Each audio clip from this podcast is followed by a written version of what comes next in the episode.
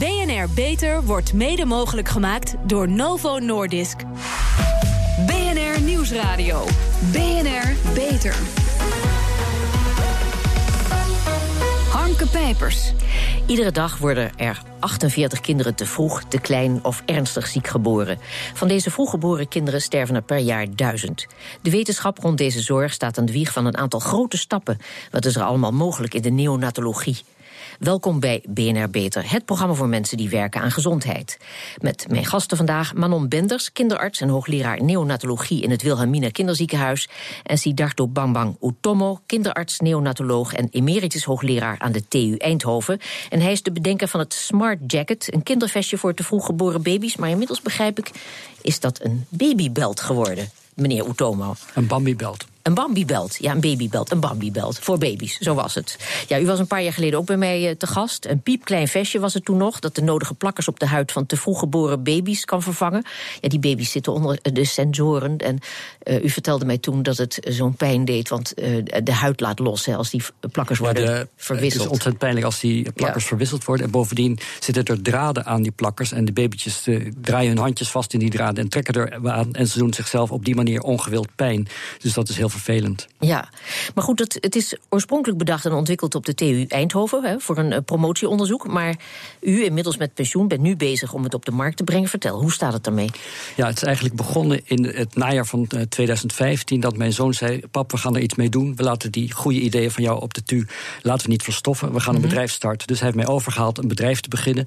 En in 2016 zijn we eigenlijk goed van start gegaan. We hebben een stoomcursus gehad bij Hightech XL, een bedrijf dat leert jonge bedrijven hoe ze hun naamgeving moeten doen, patent moeten verkrijgen, hoe ze aan funding moeten komen en hoe ze hun product uh, technisch moeten ondersteunen. Dus dat heeft een geweldige boost gegeven.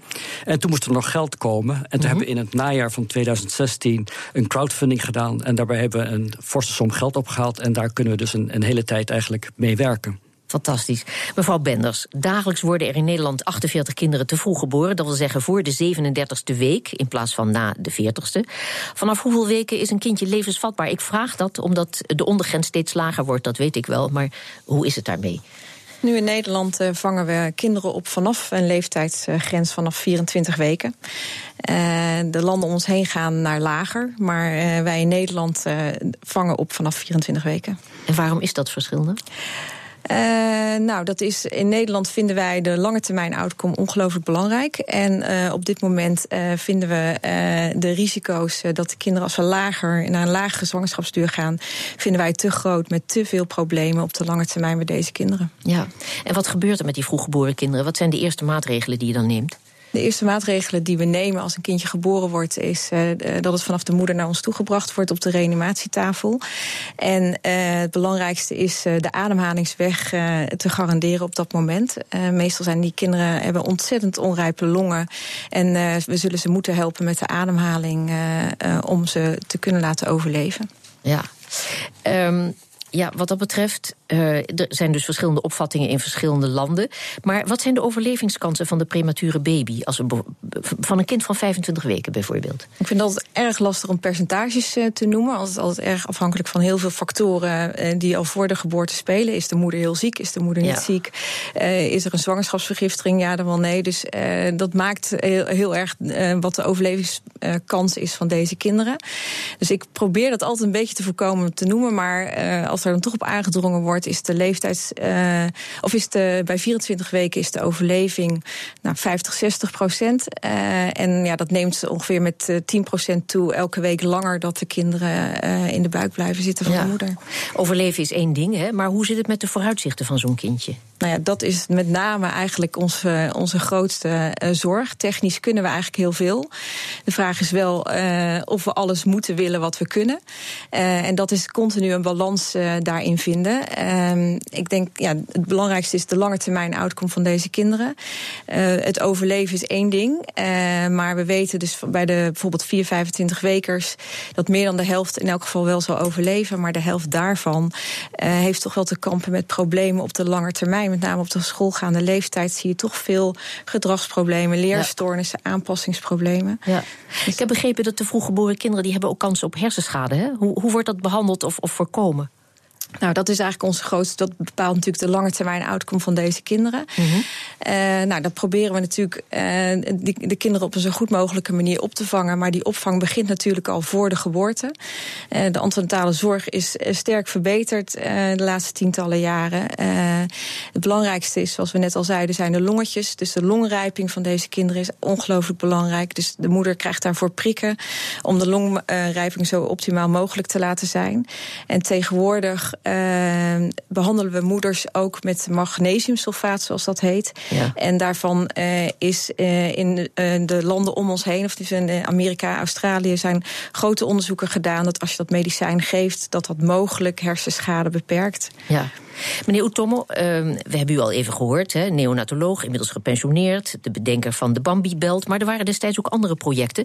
Zoals een trilkussentje, herinner ik mij, in de couveuse, dat de hartslag van moeder nabootst. Een couveuse matrasje met bewakingssensoren. U heeft destijds besloten om dit vestje door te ontwikkelen. Allemaal gedacht vanuit het principe dat in de couveuse de situatie van voor de geboorte zoveel mogelijk moet worden nagebootst.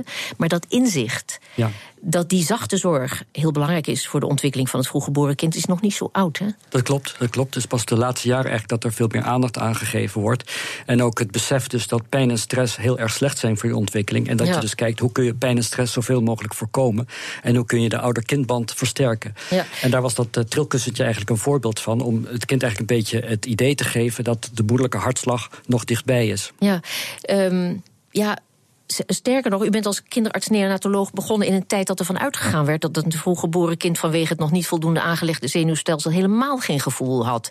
En daarom werden er bij operaties ook geen narcose toegepast. Althans, dat las ik in een artikel van de Volkskrant. Ja. Daar was ik door ontdaan. En ik besprak dat met andere vrouwen. En vele van hen lazen het artikel niet uit omdat ze er te naar van werden. Maar dat heeft u dus meegemaakt? Dat heb ik inderdaad meegemaakt. Ik ben begonnen met mijn opleiding in uh, ja, zeg, uh, begin tachtiger jaren.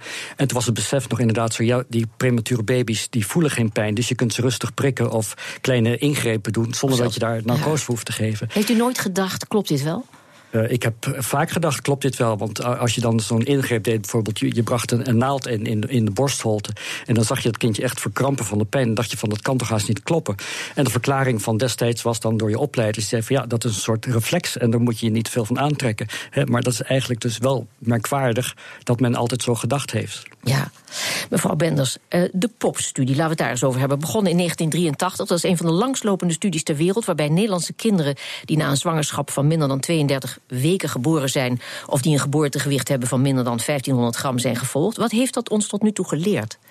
Nou, dat heeft ons geleerd dat het ongelooflijk belangrijk is om uh, de kinderen uh, die we opvangen bij een zo vroege termijn uh, langdurig te blijven vervolgen. Om te kijken wat de gevolgen is, zijn van ons handelen. ja, dat is denk ik het allerbelangrijkste van het opvangen, opvangen van deze te vroeg geboren kinderen. En als we zien wat de problemen zijn, dan kunnen we ook weer terugkijken wat de risicofactoren waren en daar weer dingen in verbeteren. Dus het is ongelooflijk belangrijk, ook nu nog, om de kinderen te blijven vervolgen. Ja, belangwekkend. Het buidelen, moedergeur, hartslag heeft veel aandacht in onderzoek, maar muziek tegenwoordig ook. Daar gaan we misschien straks nog even over praten. Maar hoe mooi en hoe effectief die middelen ook allemaal zijn, het blijft voor vroeggeborenen behelpen, want het kind had nog in de baarmoeder moeten zitten. Maar mevrouw Benders, de kunstmatige baarmoeder is in aantocht. Dat gaat nog wel tien jaar duren. Daar gaan we straks over, over praten. We gaan eerst luisteren naar een reportage. Want in het AMC en VUMC hebben twee neonatologieverpleegkundigen samen een app ontwikkeld speciaal voor ouders. Die app werkt als een soort digitaal dagboekje, maar op de app is ook veel belangrijke informatie te vinden over bijvoorbeeld borstvoeding voor prematuren. Verslaggever Yigal Kant sprak met beide op de intensive care van de afdeling neonatologie in het AMC. Bedenker Nathalie Nienhuis vertelt hoe de app werkt. Ouders die kunnen de app downloaden uit de App Store op het moment dat hun kindje is eh, opgenomen bij ons op de afdeling. In de app daar zit een dagboekgedeelte in en daar zit een informatief gedeelte in. In het dagboek kunnen ouders zelf foto's maken, notities maken, het gewicht uh, en voeding bijhouden. Uh, wij kunnen als verpleegkundige ook inloggen in de app en kunnen een foto en een notitie naar ouders toesturen, zodat ouders thuis ook wat van hun kindje kunnen zien. Wat moet we dan bij voorstellen? staat u eh, bij een couveuse zoals hier met de iPad foto's te nemen. Klopt. En filmpjes? Kan ook. voor de eerste keer dat een kindje in bad gaat of dat beademingsbuisje eruit gehaald wordt, ze hun kindje voor de eerste keer horen huilen. En dat is dan vooral denk ik heel handig voor ouders die niet in die directe omgeving wonen. Klopt. Zeker als er natuurlijk nog meerdere kinderen thuis zijn en ouders hier niet 24 uur zijn. Uh, en er zijn net de, de, incidentele momenten dat er een mutsje af is of een beademingskapje eraf is. Die momenten die je even heel snel wil pakken, ja, die moet je nemen. Of als een kindje midden in de nacht bijvoorbeeld helemaal overdwars in bed ligt met zijn hoofd tegen het deurtje. Ja, dat mis je en dan maken we er een foto en dat is gewoon leuk. Ja, maar als het even wat minder gaat? Daar is die niet specifiek voor bedoeld. Nee. Als... Het is een goed nieuwsshow. Ja, en deze app heeft u samen ontwikkeld met Anita Zijp, verpleegkundige aan het VUMC, ook in Amsterdam. Dat is bijzonder. Twee verpleegkundigen die een app ontwikkelen, maar ook nog eens een keer in twee verschillende ziekenhuizen. Ja, door de watersnoodramp uh, kwam ik hier in het AMC terecht uh, met onze patiënten. Uh, en dan trof ik Nathalie in de nachtdienst en die had een idee. Dat vonden ik een heel fantastisch idee. Dus wij hebben dat samen ingediend en een wedstrijd gewonnen. En toen mochten we een app ontwikkelen. Alleen mevrouw Nienhuis, heeft u uw handen niet vol aan de app? Het posten van foto's, het schrijven van stukjes? Nee, ik heb wel gemerkt dat het juist veel uh, sneller gaat voor ons. Eerder moesten wij een stukje schrijven. Dan je moet echt gaan zitten, een hele pagina vullen, een foto maken, een foto uitprinten. En door onze drukke omstandigheden, werkomstandigheden deed je het eigenlijk niet zo heel vaak. Uh, nu kunnen we heel snel een fotootje maken. We kunnen een stukje tekst toevoegen. En eigenlijk ben je gewoon met uh, één minuut ben je klaar. Het scheelt ons echt heel veel tijd. En het is iets toegankelijker dan dat ik een heel stuk moet schrijven. Is het dan ook zo dat de uitslagen van medische tests worden gecommuniceerd via deze app? Nee, dat is gewoon niet de bedoeling. Dat mag er niet in. Daar zijn ook hele afspraken over gemaakt. Hij is ook niet gekoppeld aan het uh, medisch programma... dat in de beide ziekenhuizen draaien, het EPIC-programma. Het is echt een losstaand iets zonder medische informatie. Het is eigenlijk een digitaal dagboek...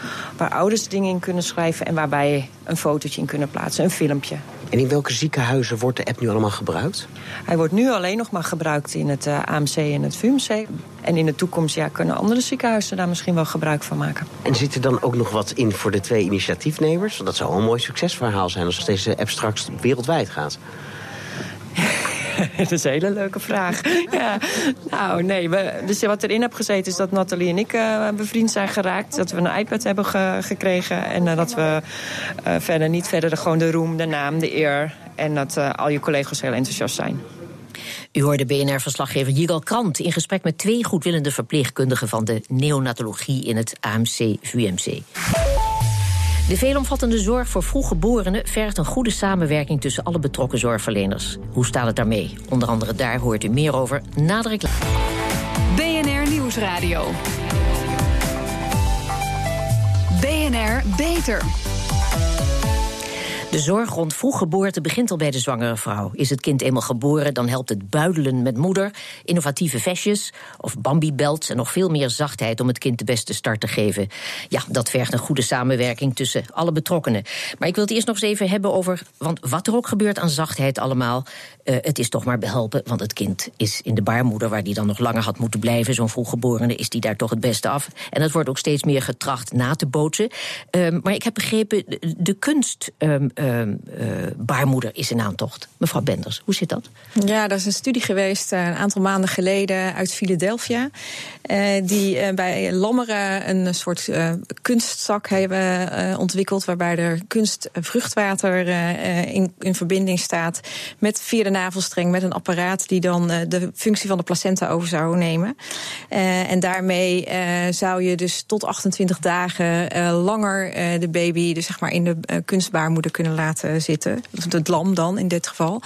Ja, je kunt je voorstellen dat dat winst is. Want elk, sowieso elke dag langer in de buik geldt voor minder complicaties. Ja. Dus dan hebben de, ja, de organen langer de tijd om uit te rijpen. Ja, ik heb begrepen dat het nog wel uh, tien jaar duurt ja, hè, voordat die, uh, die kunstbaarmoeder er is. Ja. ja. en dan hebben we ook nog niet gepraat over de Huxie, een soort slimme deken, zodat moeders beter kunnen buidelen met hun kindje. Dat is ook een product van de TU Eindhoven, hè, meneer Utomo? Dat klopt. Utomo moet ik zeggen. Ja, dat klopt inderdaad. Ja, maar het is, het is ontzettend moeilijk om die innovaties op de markt te brengen. Hè? Dat is inderdaad heel moeilijk. Hè. Het, uh, het zit vaak vast op het vinden van tijd en geld. Uh, en je moet mensen vrijmaken die zich daar volledig aan kunnen wijden. Uh, en als je, als je dat doet vanuit zeg maar, de situatie van alleen studenten, dan, dan kom je niet echt verder. Dan kun je een mooi prototype maken. Ja. Maar een echt product ontwikkelen, dat is een verhaal apart. Ja. Maar goed, uh, al die fantastische uh, vindingen die misschien ook tot ontwikkeling gebracht worden, u bent er in ieder geval hard mee bezig, dat vergt ook een goede samenwerking tussen alle betrokken zorgverleners. Hoe staat het daarmee? Want we hebben toch ook wel in het nieuws uh, verschrikkelijke verhalen gehoord over allerlei vreselijke toestanden tussen gynaecologen en verloskundigen. Is dat misschien een van de redenen dat u als neonatoloog benoemd bent tot bestuurslid van, wat was het ook weer, Gezond Geboren? Ja, het Fonds Gezond het Geboren. Fonds Gezond ja. Geboren, moet ik zeggen, ja. Nou, mijn reden om uh, daarop ja te zeggen was uh, dat ik juist uh, in was voor een multidisciplinaire benadering van het probleem om kinderen gezond op de wereld te zetten. Want die is per definitie hard nodig. Absoluut. Ja. multidisciplinair moet zeker samengewerkt worden tussen verloskundigen, gynaecologen en neonatologen. Want zoals ik net al zei, de zorg van de pasgeborenen begint eigenlijk al voor de geboorte. En dat kun je het beste samen doen. Ja. Um, er lopen ondertussen discussies over de levensverwachting van kindjes jonger dan 24 weken. Ik hoorde het eens van een zwangere verloskundige, en dat maakte nogal indruk op mij, dat ze bij dreigende vroeggeboorte beslist niet naar het ziekenhuis zou gaan vanwege de risico's op hersenschade bij vroeggeboorte. Mevrouw Benders, begrijpt u die angst? Ja, die begrijp ik zeker. Uh, dat is ook iets wat we samen met ouders bespreken. Uh, dat, dat, een grote, uh, een, een, ja, dat dat een grote complicatie is bij vroeggeboorte. Ja. En samen met ouders bespreek je ook ja, in hoeverre je deze risico's tegemoet gaat. En tot hoever wij de behandelingen voortzetten bij deze kinderen. Ja. En meneer Utomo, heeft u daar begrip voor, voor die angst? Ja, ik, ik kan me dat voorstellen, ja. ja. Goed, ik begrijp het. Goed, we hadden het al even over dat uh, Fonds Gezond Geboren. Het, bestaat, het is vrij nieuw, het bestaat twee jaar. Een van de onderzoeken die het fonds inmiddels gefinancierd heeft... is stamcelonderzoek. Vertel, wat kunnen we daarvan verwachten, mevrouw Benders? Nou ja, dat is, uh, dat is denk ik wel het, het, het geluid van de toekomst. Uh, uh, maar eigenlijk al niet eens zoveel toekomstmuziek. de, de, wij zelf, ons, op onze afdeling, gaan wij ook binnenkort, het komend, begin komend jaar, starten met stamcelonderzoek bij kinderen met een herseninfarct. -huh. waarbij we dus ook stamcellen toedienen. Ja, stamcellen die kunnen zich differentiëren in allerlei soorten cellijnen. en komen ook op schade af.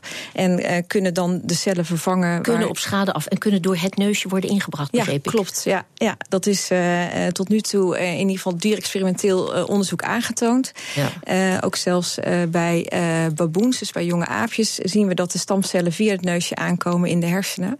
En ja, nu gaan we dat geven bij de kinderen bij ons op de afdeling die een, een ernstige hersenschade, dus een, her een, een herseninfarct hebben ja. ontwikkeld rondom de geboorte. Maar jullie werken nog niet samen of nog niet, met patiëntenverenigingen. Gaat dat in de toekomst nog gebeuren? Nou, ik zou niet willen zeggen dat we niet samenwerken. Mm -hmm. uh, wij werken wel uh, samen met, een, uh, met de patiëntenverenigingen. ik denk alleen dat we het nog veel meer kunnen verbeteren. we kunnen nog veel beter de patiëntenverenigingen en ook ouders mee laten denken in de vormen van onderzoek, onderwijs, et cetera. Ik bedoel, daar kunnen we nog veel sprongen in maken. Ja, meneer Utomo. Utomo, ja. hè? Daar bent u ook een warm voorstander ik van. Ik ben er een warm voorstander van. En zeker ook het meer betrekken van ouders bij de hele zorg. Hè. Dat is ook een nieuwe ontwikkeling. Ja. Dat je de ouders eigenlijk in een vroeg stadium al de mogelijkheid moet geven om, om mee te helpen aan de zorg voor hun kind. Hè. En we benadrukken dan ook, het is hun kind en het is niet het kind van de dokters en verpleegkundigen. Ja. En deze aanpak, dus de Family Integrated Care, die heeft in, in Canada ook, ook tot hele goede successen geleid. Ja, er zijn inmiddels meerdere onderzoeken gefinancierd, hè, mede met steun van ZonMW. Wat, wat is de stip aan de horizon? Tja. nou, mevrouw. Nou, het, het, continu verbeteren van de langetermijn uh, outcome, dat is de stip aan de horizon. Ik denk uh, uh, in ieder geval vanaf 24 weken moeten wij de langetermijn outcome nog veel verder verbeteren dan, dan dat het nu is. En als we in ieder geval de helft van de kinderen die het overleeft een betere toekomst kunnen geven, maar ook in gedrag en in psychiatrische problemen die deze kinderen vaak ontwikkelen, dan, dan, is, dan is dat de stip. Ja. Zeg, en, en innovaties die op de technische universiteiten daar op de plank blijven liggen, wat toch doodzonde is. Ja. Kan het fonds daar ook nog meer reuring aan geven? Nou, absoluut. Uh, ja, en, en wat zojuist ook al gezegd is, we hebben daar uh, ja, geld voor nodig. En daarom zijn deze fondsen zo ongelooflijk belangrijk. Naast Zon en W, wat onze grote geldschieter is qua onderzoek, uh, is het toch lastig om innovatieonderzoeken gefinancierd te krijgen. En zeker in de opstartende fase. Als je nog geen pilotdata hebt, dan ja, daar is ongelooflijk veel geld geld voor nodig om dat te kunnen opstarten. En heel erg belangrijk. Ja, maar kunnen we, net zoals bij het Kankerfonds, collectanten aan de deur verwachten? Nou, dat, ik, ik, zie dat zeker als een mogelijkheid. Ik denk dat we hier veel harder nog aan kunnen werken dan dat we tot nu toe gedaan hebben. Omdat, ja, zoals ik altijd zeg, winst in het begin van het leven is winst voor de rest van het leven. Zo is dat. Dus ja, ik denk dat alles wat we, wat we beter kunnen doen aan het begin, dat dat voor deze kinderen ongelooflijk belangrijk is. En meneer Utomo, de, bam, de Bambi-belt, wanneer komt die nu op de markt? Nou, het plan is om in de tweede helft van uh, eh, 2018 te beginnen met de clinical trials. Ja. En die clinical trials moet je doen voordat je je CE-markering krijgt. En de hoop is dus dat wij in begin 2019 echt naar de markt kunnen. Fantastisch. Hartelijk dank, Sidarto Bambang Utomo en Manon Benders. Pioniers in de zorg. Onze zorgredactie speurt naar interessante medische innovaties binnen en buiten de muren van de universiteit. Waar werken ze aan en wat moeten wij hierover weten? Ja, Ivan Verrips, opgepimpte infuuszakjes voor kinderen met kanker. Ja, het betreft hier een houdertje voor het infuuszakje van inderdaad kinderen met kanker. Die, dat lijkt op een soort lunchbox, maar dan dus voor, de, voor het infuus. En op die infuusbox staat dan een superheld afgebeeld. Uh, speciaal ontwikkeld voor de chemotherapie voor kinderen met kanker dus. En het gaat om een eigenlijk heel simpel concept, maar voor deze kinderen misschien toch iets leuks om die zware tijd door te komen. Ja, je, je denkt wel bij zo'n idee, uh, waarom was dat er nog niet? Uh, nou, het idee van de infuusbox is niet nieuw. Uh, een farmaceut heeft eerder een soort happy balloon ontwikkeld. In een ziekenhuis in Shanghai. Dan zit er een ballon om de infuuszak heen. Dat is om kinderen dan af te leiden. Mm En in Brazilië is er een eh, kinderoncologicentrum. dat heeft infuusboxen ontwikkeld in samenwerking met Warner Bros. Met superhelden daarop. En er zijn zelfs speciale comics gemaakt voor die zieke kinderen. Waarbij die superhelden dan kanker medicijnen krijgen uit zo'n infuusbox en dus hun krachten weer terugkrijgen. En de ontwikkelaars uit Nederland hebben dat laatste als inspiratie gebruikt. Ja, maar die licenties voor die superhelden die zijn toch niet te betalen? Uh, nee, dat zou je wel denken. Maar daar hebben de ontwikkelaars, drie studenten van de studie ondernemerschap en retail management in Breda, iets op bedacht. Luister even mee naar een van de ontwikkelaars, Vincent Olde Lohuis. Een aantal ziekenhuizen gesproken. En die zouden wel interesse hebben in een, zeg maar een eigen cartoon, een eigen soort van mascotte. En dan kunnen we per ziekenhuis of per afdeling een bepaalde uitstraling geven aan de omhulsel. En zo kunnen we vermijden dat we echt uh, in gesprek moeten met uh, Warner Bros. of met uh, Disney. Het is een kleine moeite, het stelt helemaal niet zo heel veel voor. Maar het heeft wel een mega groot effect op de beleving van zo'n kind terwijl ze in het ziekenhuis moeten verblijven. Nou, als wij daar een steentje aan kunnen bijdragen, dan, dan doen we dat natuurlijk al uh, met alle liefde. Ja, de studenten proberen een product nu op de markt te brengen en zoeken bedrijven die willen investeren. En waar kunnen bedrijven die jongens vinden? Op de website infusbox.nl. Dankjewel, Ivan Verrips. En tot zover deze uitzending van BNR Beter. Op bnr.nl slash beter en als podcast via iTunes of Spotify is deze uitzending terug te luisteren. En heeft u tips of opmerkingen over de zorg? Wij zitten op Twitter op BNR Lifestyle of mail naar onze redactie via beter.bnr.nl. Ik ben Harmke Pijpers. Tot een volgend spreekuur. BNR Beter wordt mede mogelijk gemaakt door Novo Nordisk.